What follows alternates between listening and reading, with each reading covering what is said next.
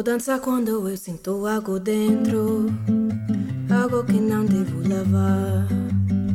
Eu vou escutar as músicos brasileiros que me deixam libertar. Dança, toca, para que lembramos da vida. Chora, sonha, para que lembremos Bos días, boas tardes ou boas noites dende o recuncho de Arquitecturas en Fronteiras, no segundo andar da Escola de Arquitectura de A Coruña. Estás a escoitar o episodio 41 de Habitando, un podcast, un falangullo, do Grupo de Educación de Arquitecturas en Fronteiras Galicia. Eu son Juan. Ola, eu son Lara. Ola, bos días, eu son Adrián. E hoxe temos a honra tamén de contar con Julián Salas, Hoy tenemos el honor de contar con Julián Salas. Hola, Julián. Hola, buenos días. Encantado para mí. Muchísimas gracias. Julián ten a cátedra da UNESCO de Habitabilidade Básica da Escola de Arquitectura de Madrid É todo un referente neste eido da habitabilidade básica a nivel mundial e hoxe está na Coruña porque nun ratiño impartirá aquí na Escola de Arquitectura a lección Construindo con recursos escasos contra a fame de vivenda en África. e fixo tamén un oco para chegarse aquí ata habitando. Unha pausa e comenzamos. Para que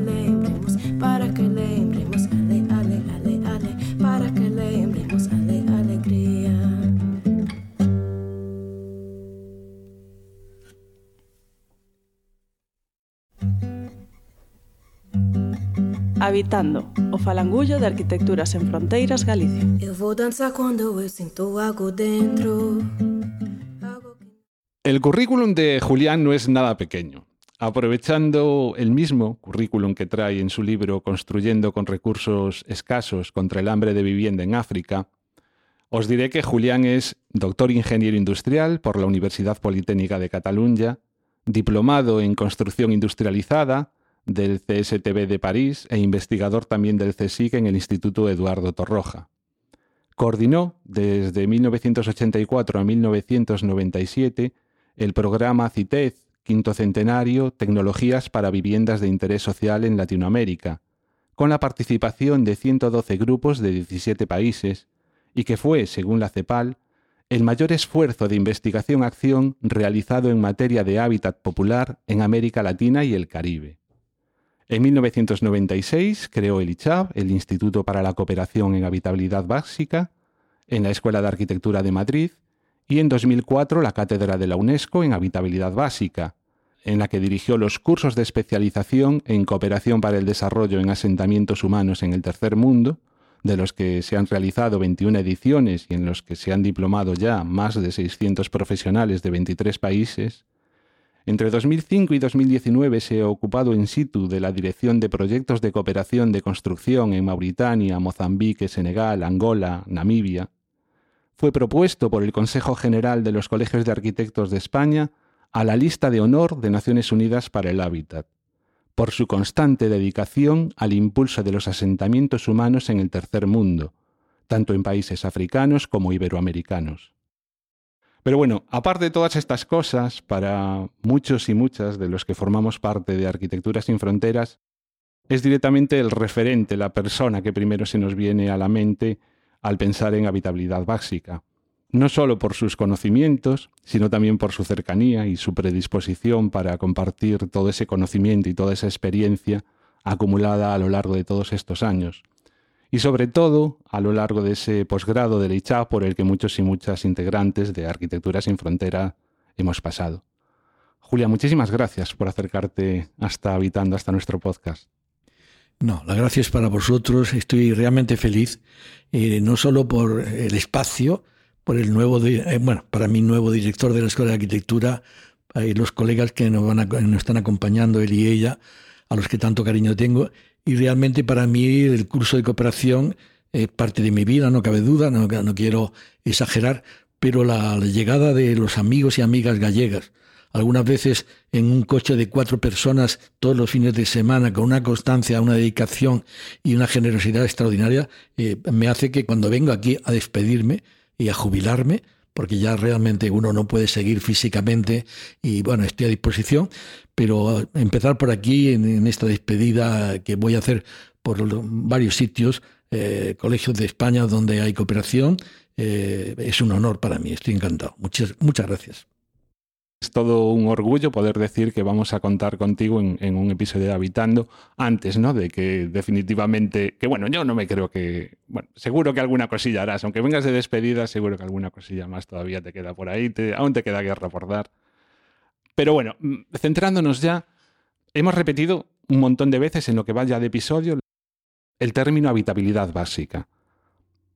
Cuéntanos, ¿qué es la habitabilidad básica? ¿A qué nos referimos o a qué os referís los, las personas que estáis metidas en, este tema cuando habláis de habitabilidad básica?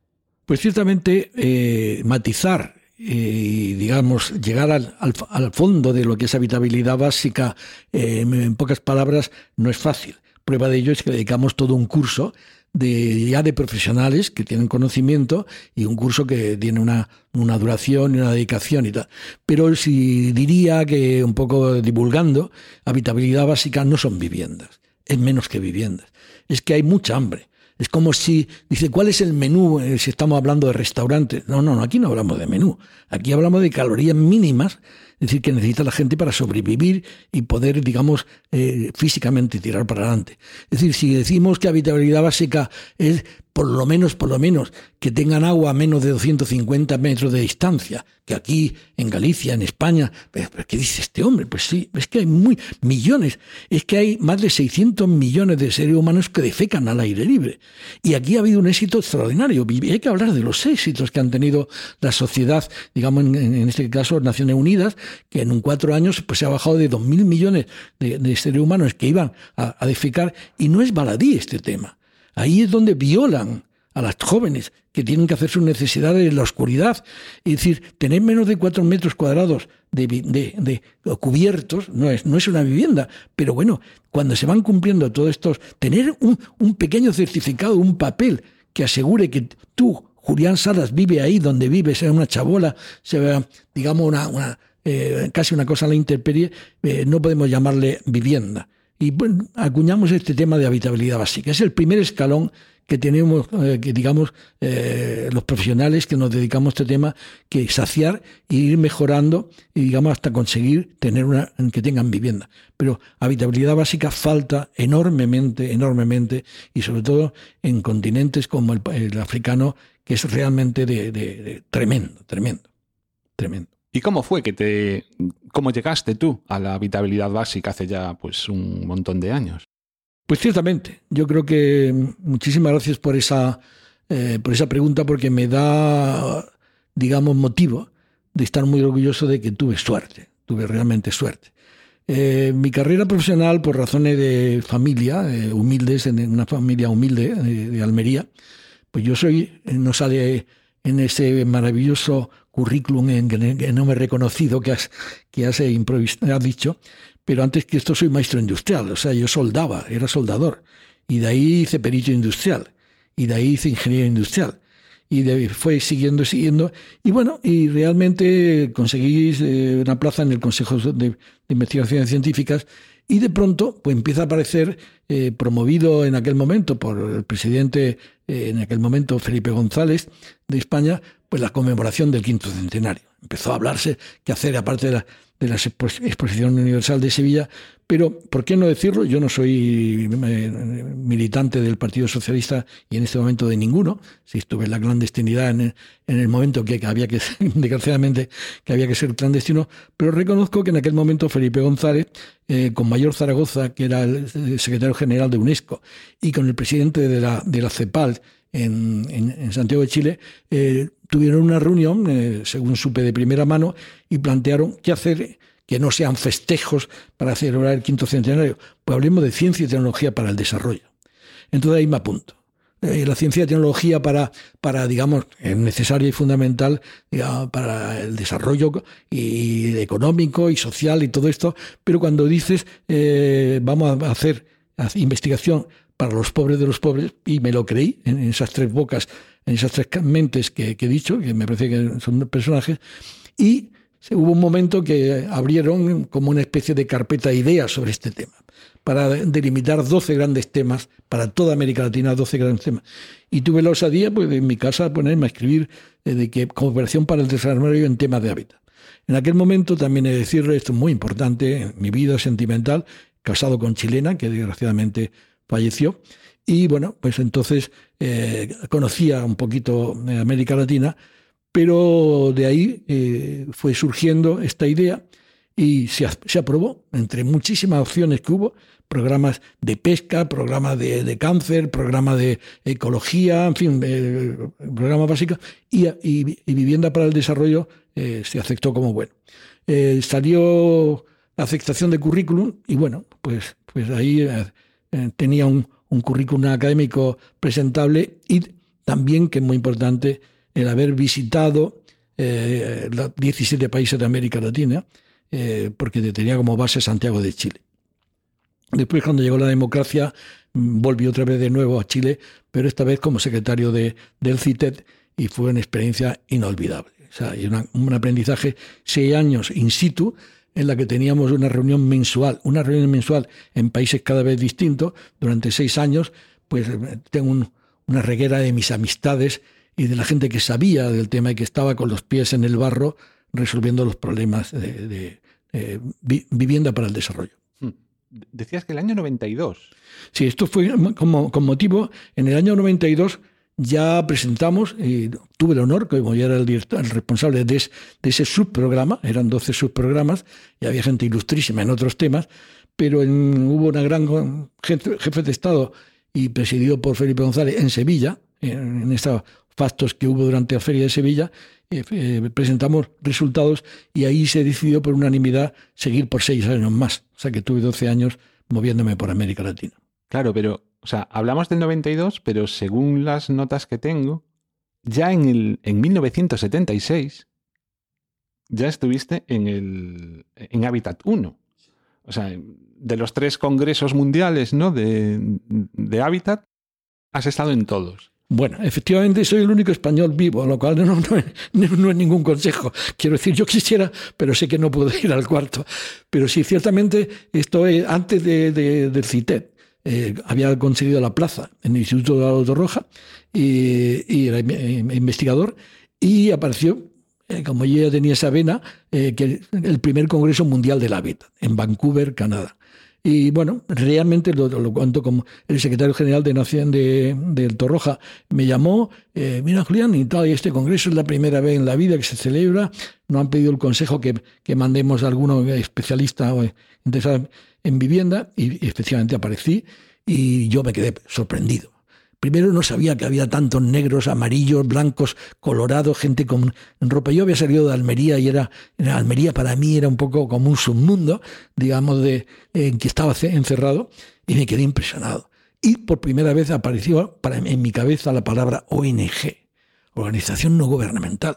Y unas, personas que hablaban de unas cosas con los pies en la tierra y eso me, me afectó.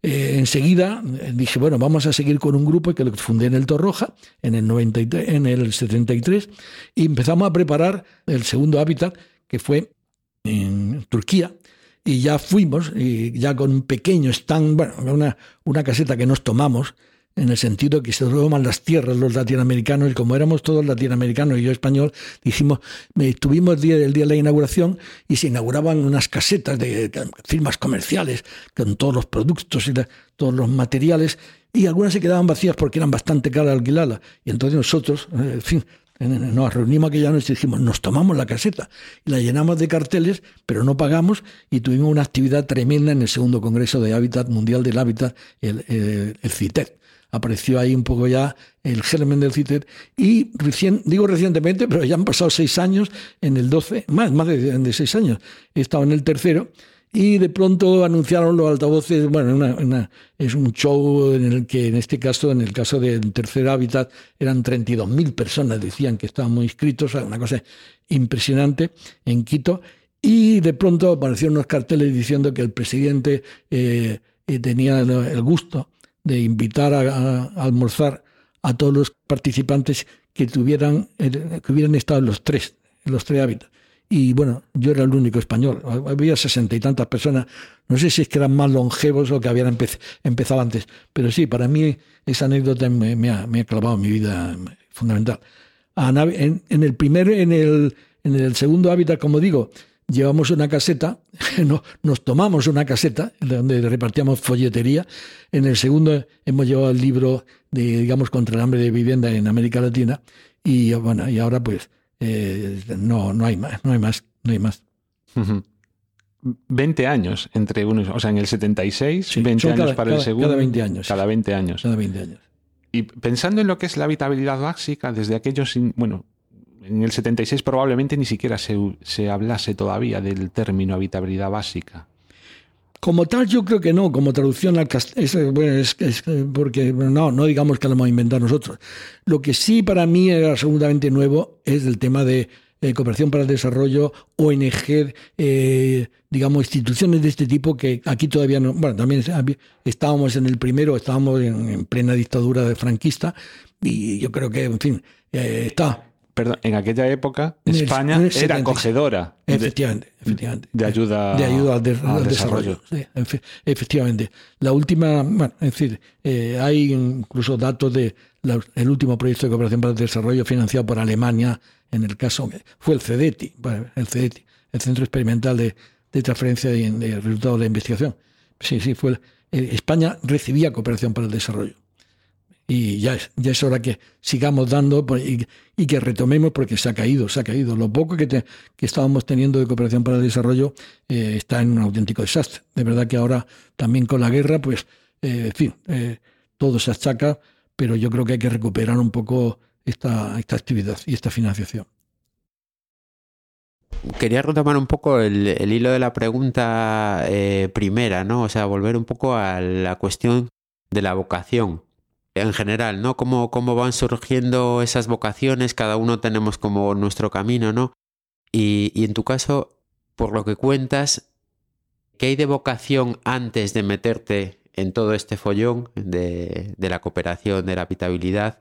¿Y qué hay de casi casualidad por meterme ahí y vas descubriendo y ahí va surgiendo la vocación en el proceso, ¿no?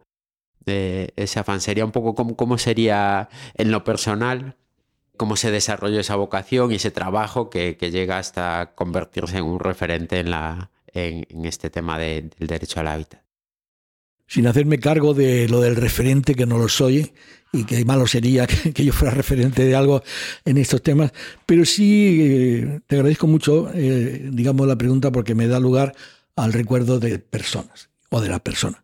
Eh, ciertamente, bueno, por razones eh, que no vienen al caso, pero que tampoco hay que ocultar, eh, en el Torroja yo era una persona inquieta, los temas de, de, vivienda, que es la construcción del cemento, pues ya empecé a, a trabajar con la cáscara de arroz, en fin, que es una historia larga de contar, pero que tuvo, tuvo unos éxitos científicos, con lo cual empezaron a mirarme de alguna manera, pero yo tenía mi ideología eh, y en aquel momento yo creo que la lucha por la democracia en mi vida era importante. Y, en fin, eh, fui expulsado del Torroja. Eh, porque, porque hoy se puede decir porque su director era un fascista y llevaba tres años el director del Torroja, eh, para qué decir el nombre, que era ingeniero de caminos, pero muy del movimiento, y que era el director del trasvase Tajo Segura. Entonces era motivo para que en tres años que llevaba yo trabajando yo no lo había visto nunca a mi director. Pero me echaron la bronca diciendo que por qué el director tenía que estar en el Torroja. Dije, porque hoy día el teléfono, con el de ahora, es el, cordón umbilical de las personas y que no hay por qué y por teléfono dio la orden de que, la policía me, detuviera. Eh, entonces, eh, enlazo en este momento con, eh, con tu magnífica pregunta, tu, inquietud. Eh, una persona, José Antonio Fernández Ordóñez, ingeniero de caminos, magnífica persona, fallecido, supo por la prensa mi existencia, charlamos, y en ese momento era presidente del Colegio de Caminos, y empezó un poco, pues, empezamos a hacer un grupo eh, que se llamaba Seminario de Prefaricación. Y empezamos a procurar a, preocuparnos de la vivienda eh, teniendo como objetivo la tecnología, o sea, la prefabricación, los grandes paneles prefabricados, el aspecto social de que, bueno, la, idea de, que la Unión Soviética y los países del este Ahora estoy avergonzado de ver cómo con los misiles están destruyendo, eh, digamos, estas viviendas de, que, que, fijaros en la televisión, que tienen la junta de grandes paneles prefabricados. Y fue durante un momento, un momento largo de, de mi carrera profesional el buscar en la tecnología una solución para la vivienda social. Pero para la vivienda social que, que después di otro paso cuando eh, pisé América Latina y bueno, eh, estaban en otra etapa. Y otra etapa que yo diría que me ha impactado tremendamente, pero que ya llegó tarde, que es África. Lo de África es impresionante. Lo de África es impresionante. En este momento, eh, en África, y no estoy exagerando, Voy a tratar de demostrarlo con, con hechos eh, concretos en la diapositiva de la charla que daré hoy. África tiene que construir cada día, cada día, repito, 30.000 viviendas. 30.000 viviendas para llegar al año 50, porque África en el año 50 tendrá 2.200 millones de habitantes. O sea, está creciendo de una manera un 16% de, digamos, eh, el tema de la vivienda, de las necesidades de vivienda en África. Entonces, realmente, la angustia de este momento va a ser eh, eh, hiperactiva. y entonces hay que inventarse otras cosas, bajar al tema de, la vivienda social a, lo de habitabilidad básica. Es decir, tratar de, de que no haya dos mil millones de seres humanos, eh, perdón, esto eh, en fin, es muy, muy duro, haciendo, eh, digamos, sus necesidades al aire libre, vigilada por otra hermana o por, la mamá o por el papá, pues porque es el sitio donde te violan. Y, realmente necesidades que son tan, tan tremendas como no tener agua a, menos, más lejos de 250 metros de distancia, que para, para nosotros es por lo menos una de, de las condiciones mínimas.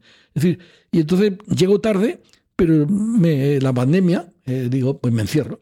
Y me encerré dos años, han sido dos años de, digamos, de, estudiar, de ver. Y había, habíamos hecho unas viviendas con la cooperación española y seguíamos haciendo cosas y estaban saliendo bien. Y un poco, pues, tuve la osadía de escribir ese libro en el que yo creo que lo más importante, y lo, lo voy a ratificar en la charla de hoy, pues es el capítulo 9, en el que damos lugar, en el que damos cuenta a los, a los financiadores de qué hemos hecho con el dinero, cosa que no aparece en la mayoría de las de las veces que se hace cooperación, digamos proyecto por proyecto, digamos peseta, eh, euro por euro, euro por euro, y ahí están las cuentas, eh, digamos, y los resultados. Y resulta sorprendente, sin falsa modestia, honestamente, porque lo han hecho el equipo de gente maravillosa con la que hemos tenido la suerte de estar en el, en el ICHAP, eh, como nuestras amigas y amigos, pues hemos estado un poco haciendo cosas con menos de 6 millones de euros que sorprenden. Se queda la gente asustada. Pero ahí están las cuentas y las vengo a, y vengo a decir cuentas. Y yo creo que una de las grandes, del, creo, a, mi, a mi nivel, de las grandes cosas que ha hecho eh, el Partido Socialista eh, cuando empezó a hacer cooperación, que realmente no, no llegamos al 0,7% ni de broma, pero estábamos en el 0,3 y empezaron a, hacer este, a financiar estos proyectitos de los que por lo menos eh, quiero animar que, se pueden hacer gente y que hay más de 17.000 personas viviendo en algo que hemos construido con dinero español en, en África. Y de eso están las fotos, los, testimonios y una mujer impresionante de la que también siempre hablo y bien, que es Grasa Machel. La señora Grasa Machel luchadora por la libertad, de, digamos, por la independencia de, Mozambique, de Portugal, con 27 años, guerrillera, llegó a ser ministra de Cultura eh, cuando llega el, primer gobierno democrático e independiente de, Mozambique y realmente es una persona eh, con la que hemos hecho algunos, algunos proyectos porque hoy dirige una, una ONG importantísima en, Mozambique y hizo el primer proyecto con nosotros o nosotros con ella en temas de vivienda que es uno de los que exponemos, y eh, está tremendamente orgullosa de cómo trabajaron las mujeres de Mozambique. Eh, aquí en España, sobre todo en la escuela, me decían, pero con mujeres, sí, este proyecto que vamos a hacer, el primer proyecto que hacíamos en, África era con mujeres. Y entonces, eh, ¿y cómo mujeres? Porque las mujeres, primero, es que en Mozambique hay una gran proporción de hombres que no viven en Mozambique, son los mineros los mineros de, Sudáfrica. Y estas mujeres tienen una cosa, es que cuando llegó la independencia, o cuando consiguieron la independencia, eran guerrilleras y había un 42% de, de, participantes en la guerrilla que eran mujeres. Y curiosamente, cuando yo llego a Mozambique, me dicen que el Congreso de los Diputados de Mozambique es el primero en el mundo en el que las mujeres son mayoría. Y cuando yo digo que, hay, que si están dispuestas a hacer autoconstrucción, las mujeres dijeron ya, con una condición, de que nos dirijan mujeres. No queremos aquí que eh, ser nosotros las... Y ahí están las viviendas que voy a enseñar y las viviendas que he visitado varias veces, que hemos evaluado varias veces y que están creciendo.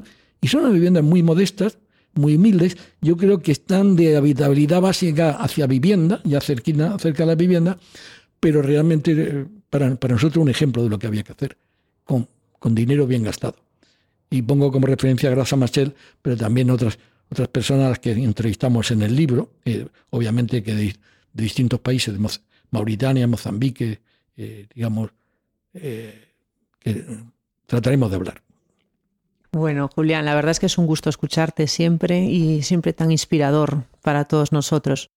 Yo quería preguntarte, em, en toda tu trayectoria vital y laboral que nos estás contando, ¿qué es el logro, los logros que, que ves con más cariño y que, y que te emocionan más de toda tu trayectoria?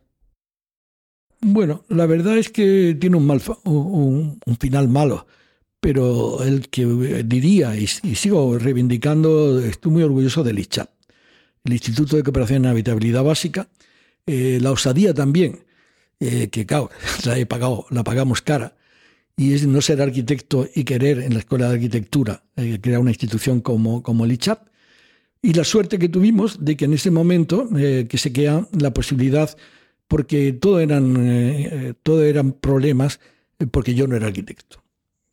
pero yo decían que por el tema, el tema de la financiación, el tema de la justificación de las cuentas, pero yo decía que yo era funcionario, yo vivía como, soy investigador del Consejo, y el Consejo Superior de Investigación Científica me extendió un certificado de que hiciera mis actividades en la, en la Politécnica de Madrid. Pero bueno, hubo algún rector de la Universidad de Madrid eh, en aquel momento que no estaba de acuerdo con que no fuera un arquitecto el que dirigía el ICHAP. Y realmente, bueno, pues ha sido, para mí, eh, han sido casi 20 años extraordinarios. Pero luego, decir, eh, cuando ha fallecido Belén Gesto, que es primero una, un alma fantástica, una mujer impresionante, impresionante, amorosa, no sé, es una palabra que no sé cómo se traduce, pero que realmente, eh, digamos, una capacidad de trabajo, de generosidad, y era todo para mí. Y como ella sí que, bueno, tenía el grado mínimo de, funcionaria, pues fue la que avaló los, años. Es decir, yo di un paso atrás y, ella fue por delante. Desgraciadamente eh, ha muerto hace muy poco. Y yo para mí pensaba, obviamente, no es que yo la haya pensado que era el final de, de esta trayectoria, pero sí lo han pensado algunos directores, algunos rectores que sacan esta nota de que, pero ¿cómo? Si no es arquitecto, ¿cómo puede estar en la escuela de arquitectura? me voy a llevar, incluso, no sigo. Eh, eh, en fin, osadías de, yo no estoy aquí para esto. Entonces, pues estoy activo, eh, muy feliz, pero digamos, no, no estoy con el ICHAT. Le desearía larga vida, pero yo no, no participo. Bueno, yo creo que esto ya casi no, eh, no sería una pregunta, pero creo que es necesario que esto salga en el, en el podcast. Y lo hilo también con la primera de las preguntas, ¿no? Sobre la, e, esa vocación. Para muchos de nosotros y de nosotras, el ICHAP fue como un espacio, una casa a donde pudimos ir sintiéndonos huérfanos de, de otras cosas, saliendo de escuelas en las que no se hablaban de, determinados temas, en la que no, no veías como eh, lo que tú estudiabas en la carrera se podía aplicar a determinados problemas del contexto, ¿no? Y muchos estudiamos en ese contexto y para nosotros el ICHAP fue como, oh, pero hay esto, hay este lugar en donde eh, nos juntamos, que además llevaba ya, eh, ya tiempo desarrollándose y donde muchos de nosotros también encontramos el sitio de lo que queríamos hacer con nuestra vida, ¿no? Entonces, en ese sentido, como decía antes Lara, para nosotros el ICHAP, y ya personificado en Julián, por supuesto en Belén también, ha sido como eh, lo que ha dinamizado o catalizado pues esa vocación que teníamos nosotros, ¿no? Un, espacio donde acogernos, sentirnos calentitos ahí y a partir de ahí dedicar nuestra vida a esas cosas, ¿no? Entonces yo creo que esto no es una pregunta, pero creo que es necesario eh, comentarlo aquí y por todo eso eh, estamos eternamente agradecidos, nosotros en lo personal, pero yo creo que también eh, Arquitectura sin Fronteras somos deudores de, de, todo eso, porque mucha gente que está y estuvo en Arquitectura sin Fronteras tiene esa misma trayectoria. ¿no? Entonces, bueno, muchas gracias. No, no, no hay de qué.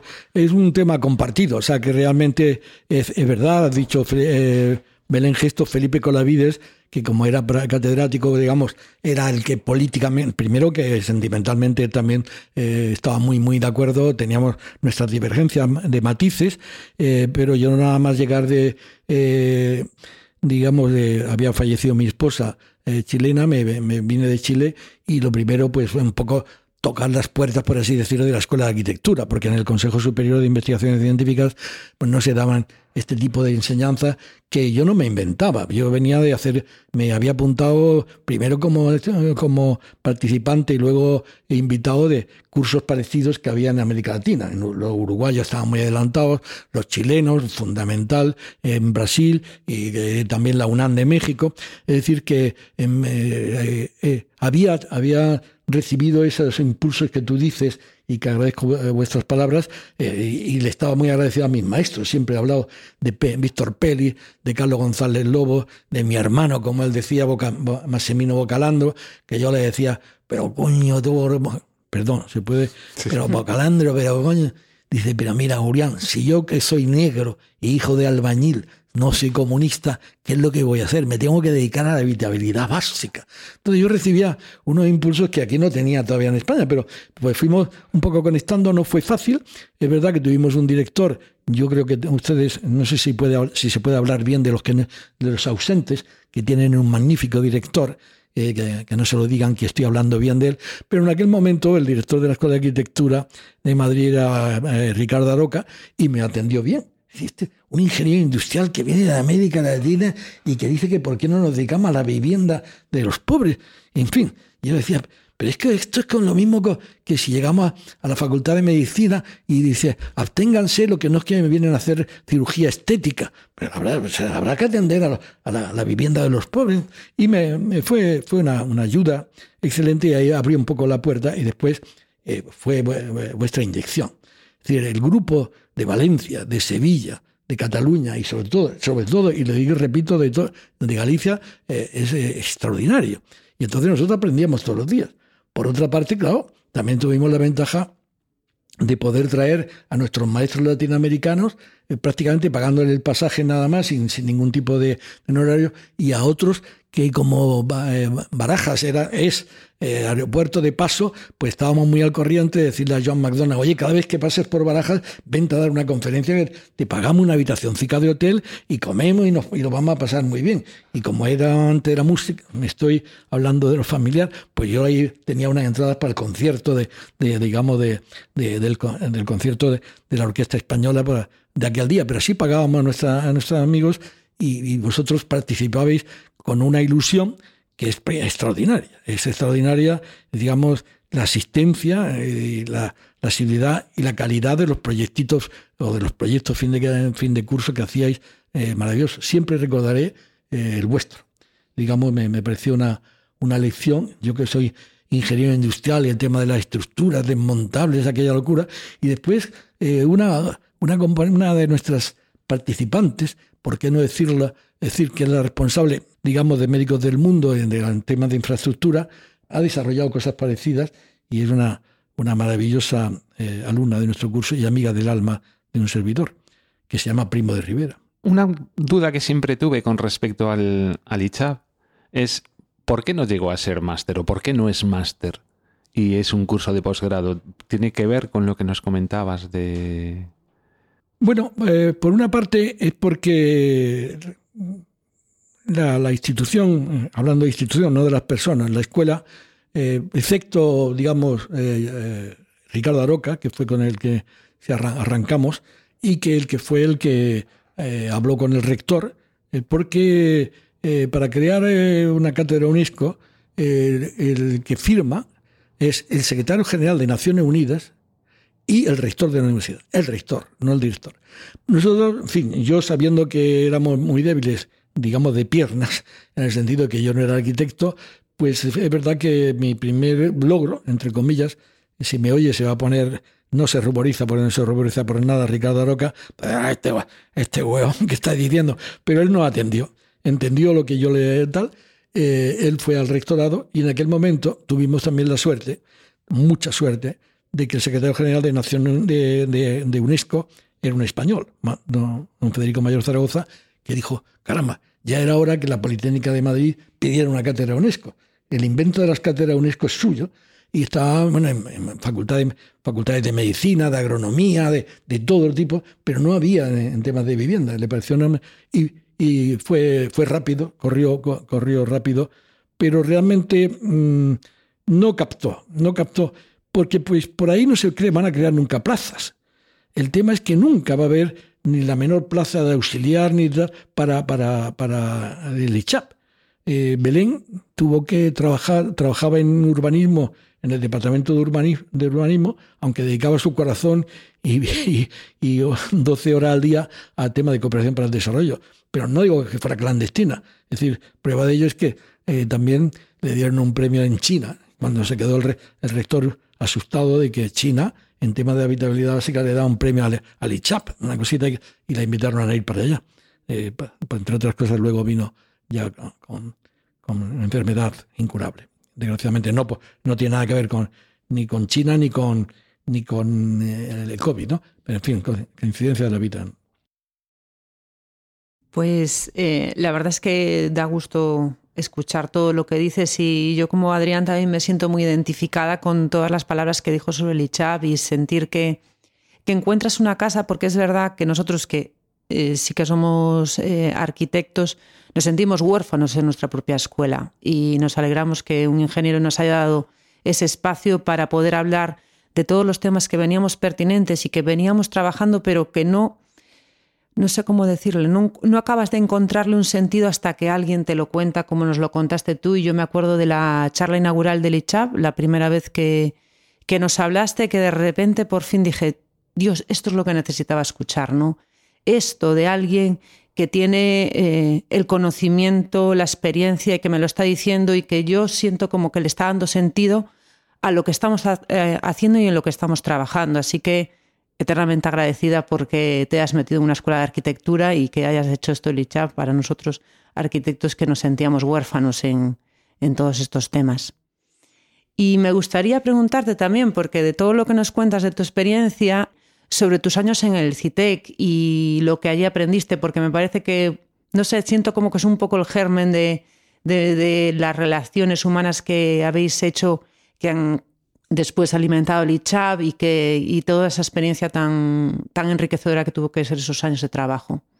100%, 100%. La, la pregunta realmente te, te la agradezco.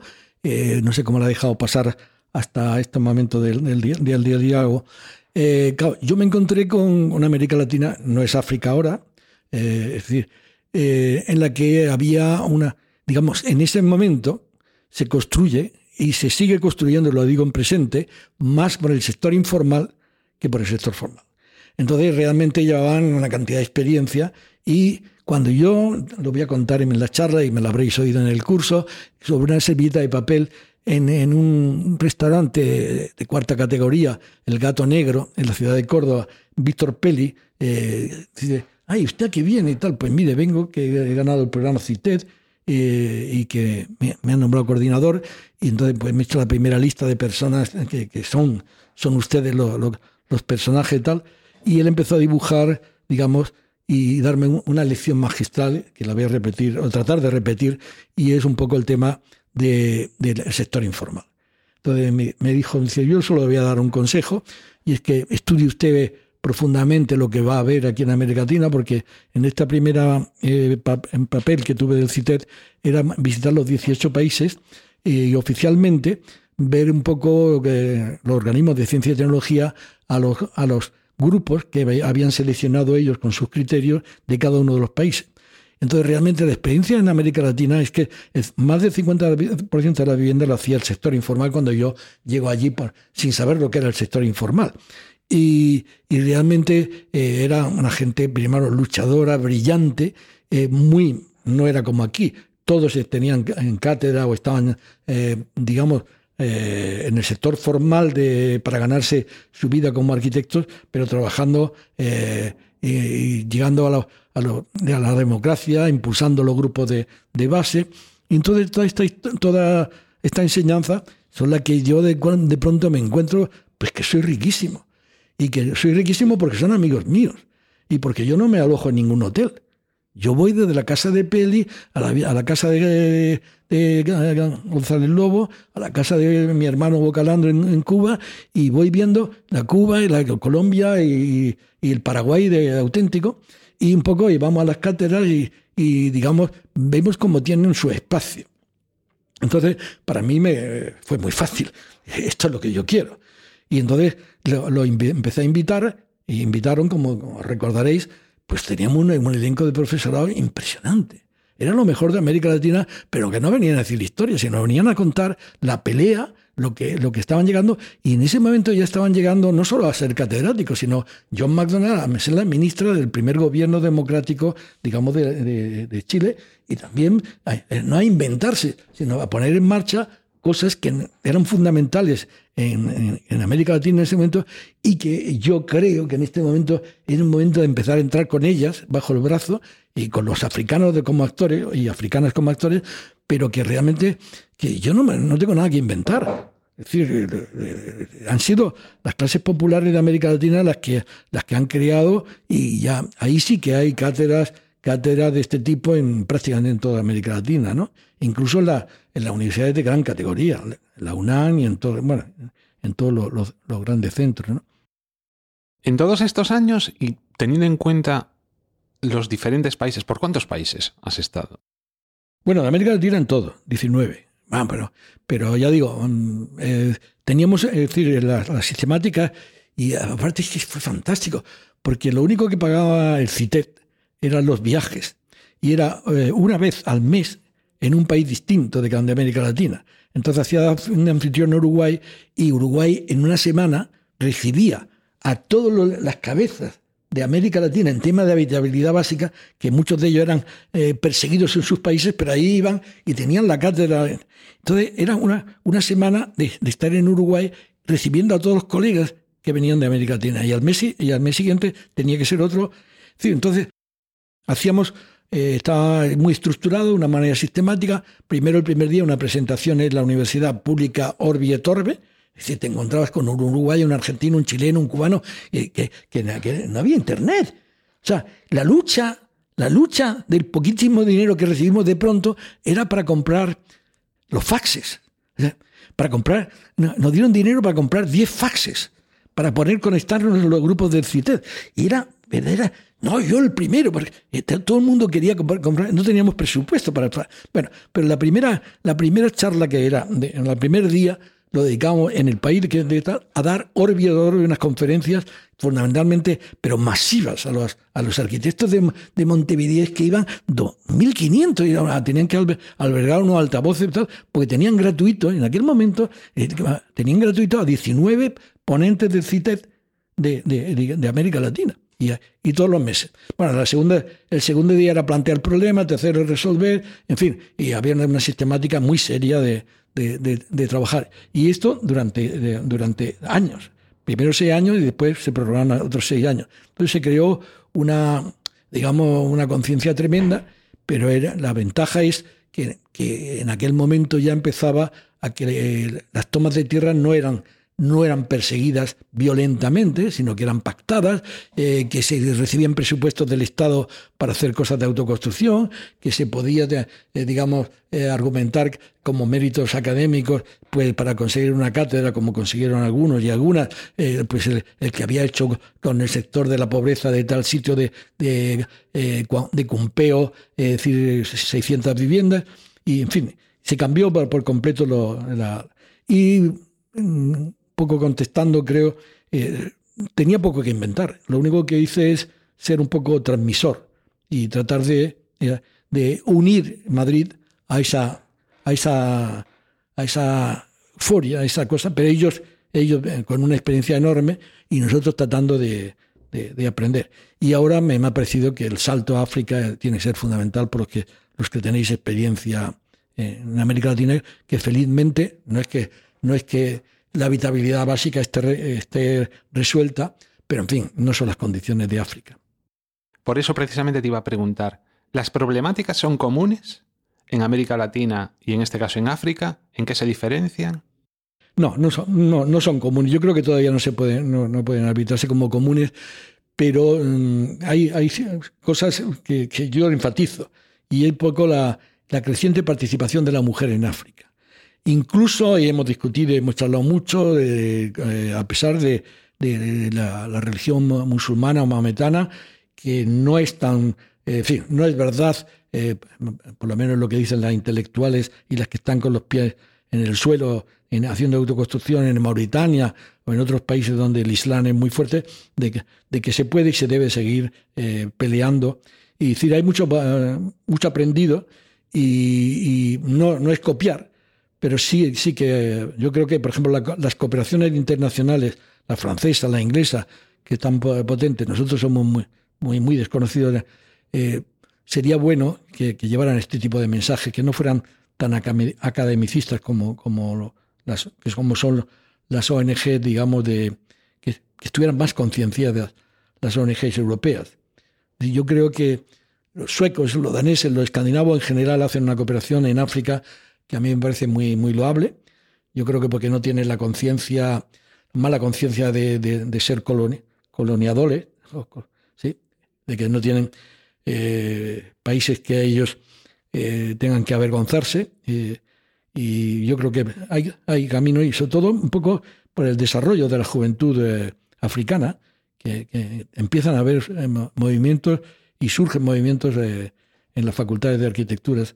Otros no. Yo me he encontrado con decepciones como me encontraría en, Madrid, que, lo que hay que dar es vivienda a los que pueden pagar la vivienda. Es decir, que no tenemos, no podemos dedicar nuestro tiempo a todo, a todo el mundo. En fin, no, excusas de ese tipo, ¿no?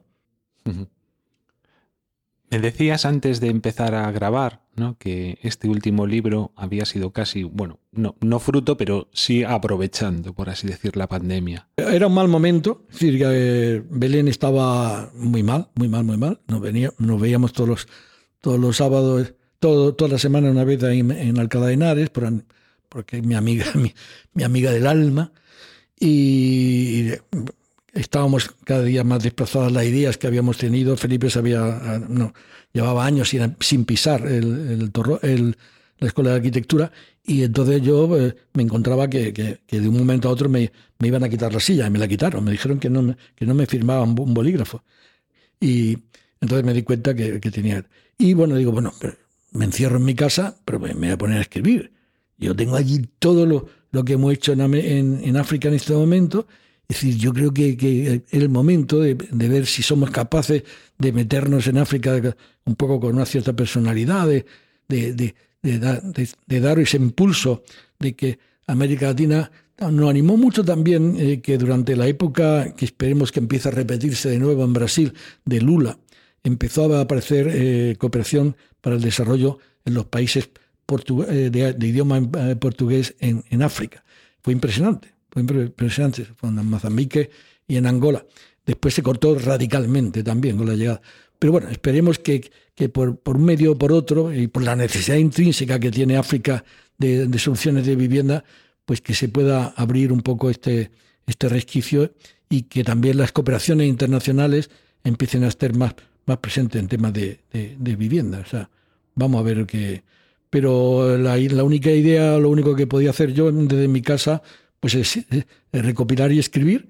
Y sí, estoy orgulloso. Eh, me acerqué al Ministerio de la Vivienda, eh, que ya no existe el Ministerio de Vivienda, pero que tenían, no es por nada, pero una excelente idea del ICHAP. Eh, lo único que pedía era que pagaran a la imprenta. Yo no he cobrado, obviamente, ni, ni, un, ni un euro. ni, ni hay para, para, enviar, por eso lo mandamos en PDF, porque fue pagarle a la imprenta nada más, lo cual agradezco enormemente. Y después nos hemos dado cuenta, y ellos también se han dado cuenta, pues que el libro se, se abre camino y que hace falta traducirlo al inglés, porque en, África no, no podemos ir con, eh, con un, un idioma. Y por otra suerte también nos vamos encontrando algunas, no sé si lo decía off the record, si se puede decir, el hecho de tener un ministro de Asuntos Exteriores como es Borrell en este momento, eh, con una decisión eh, verdadera, verdadera, yo no soy del PSOE, eh, de, hacer cooperación para el desarrollo en África, y estoy muy satisfecho de que se ha nombrado como responsable de los temas de vivienda y cooperación para el desarrollo con sede en Nairobi, una persona brillante, antiguo alumno de nuestro curso, Román Enrollo, doctor en Inglaterra, con el curso eh, nuestro hecho, con una experiencia casado con una arquitecta india y con experiencia en India, en India, y lo primero que cuando se entrevista con Borrell, eh, pues es llamarme y decirme, Julián, pero yo ya soy muy mayor, y bueno, pues lo que, lo que ha hecho lo primero es que están traduciendo el libro al, inglés y que eh, he mandado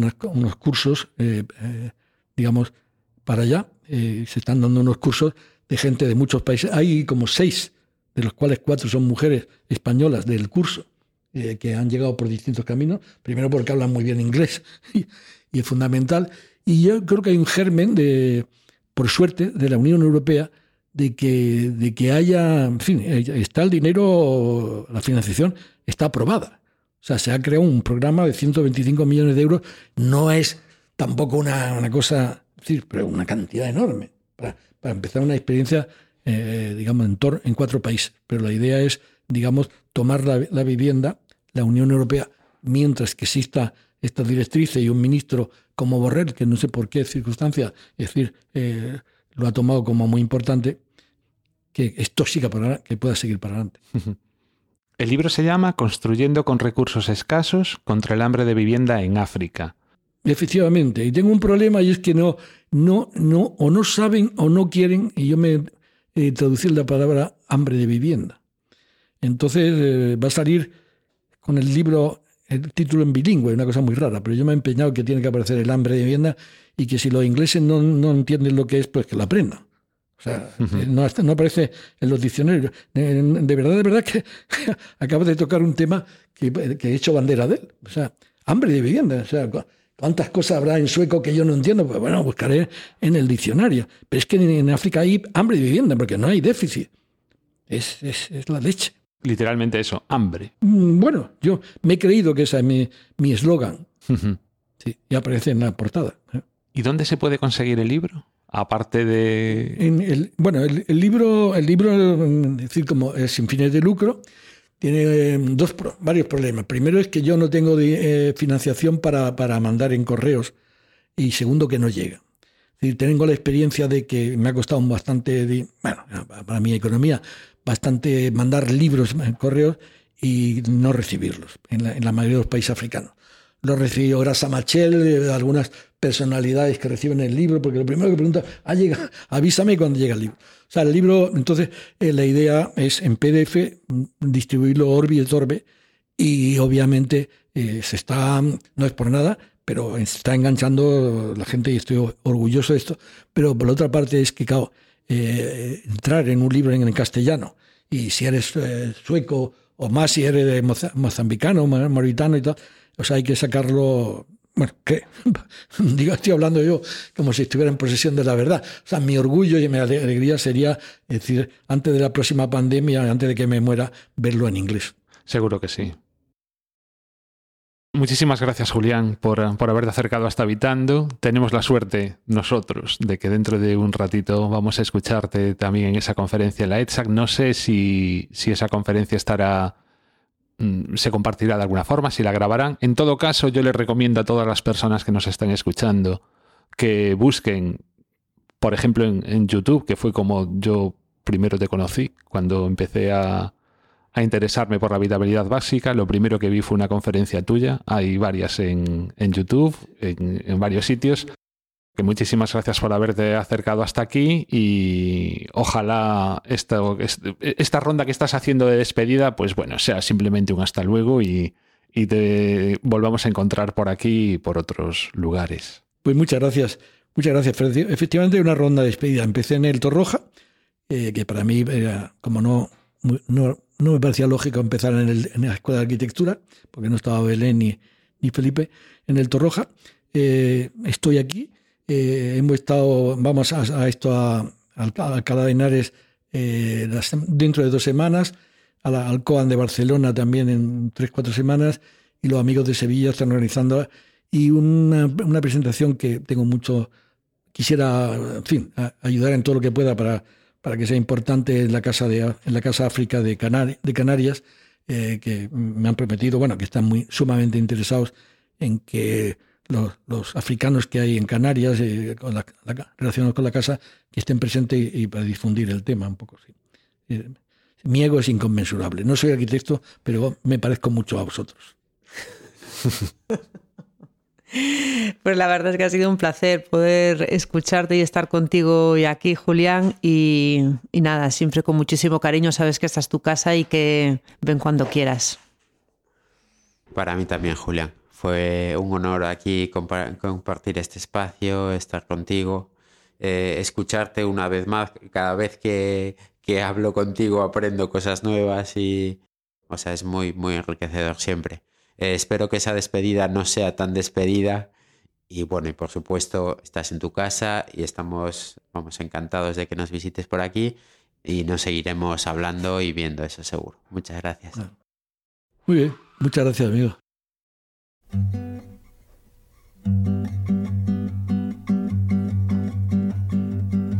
Eu vou dançar quando eu sinto algo dentro, algo que não devo levar. Eu vou escutar os músicos brasileiros que me deixam libertar. Dança, toca, para que lembramos da vida. Chorar, sonha, para que lembremos Pois ata aquí este episodio 41. Podedes nos deixar un comentario sobre este ou calquer outro tema nas notas do episodio na nosa web galicia.asfes.org. En Twitter atoparedesnos como arroba asf-habitando ou en arroba asf-galicia. E tamén temos páxina en Facebook. Recordade que Habitando Ademais de na nosa web, está dispoñible en iVoox, Spotify e Apple Podcast. A nosa sintonía, a canción A Vida, de Maya Solovey, e o resto de músicas que teñan soado en Habitando, distribúense no momento da súa grabación con licencia Creative Commons, ao igual que este falangullo e a maioría de contidos de Arquitecturas en Fronteiras. Nada máis, moitísimas grazas a todos e todas por chegar ata aquí. Ata a próxima. Adeus. Adeus. Tchau. Adeus. Adeus. Adéu-siau. Adéu-siau, que diguin els catalans. Da vida chorar, só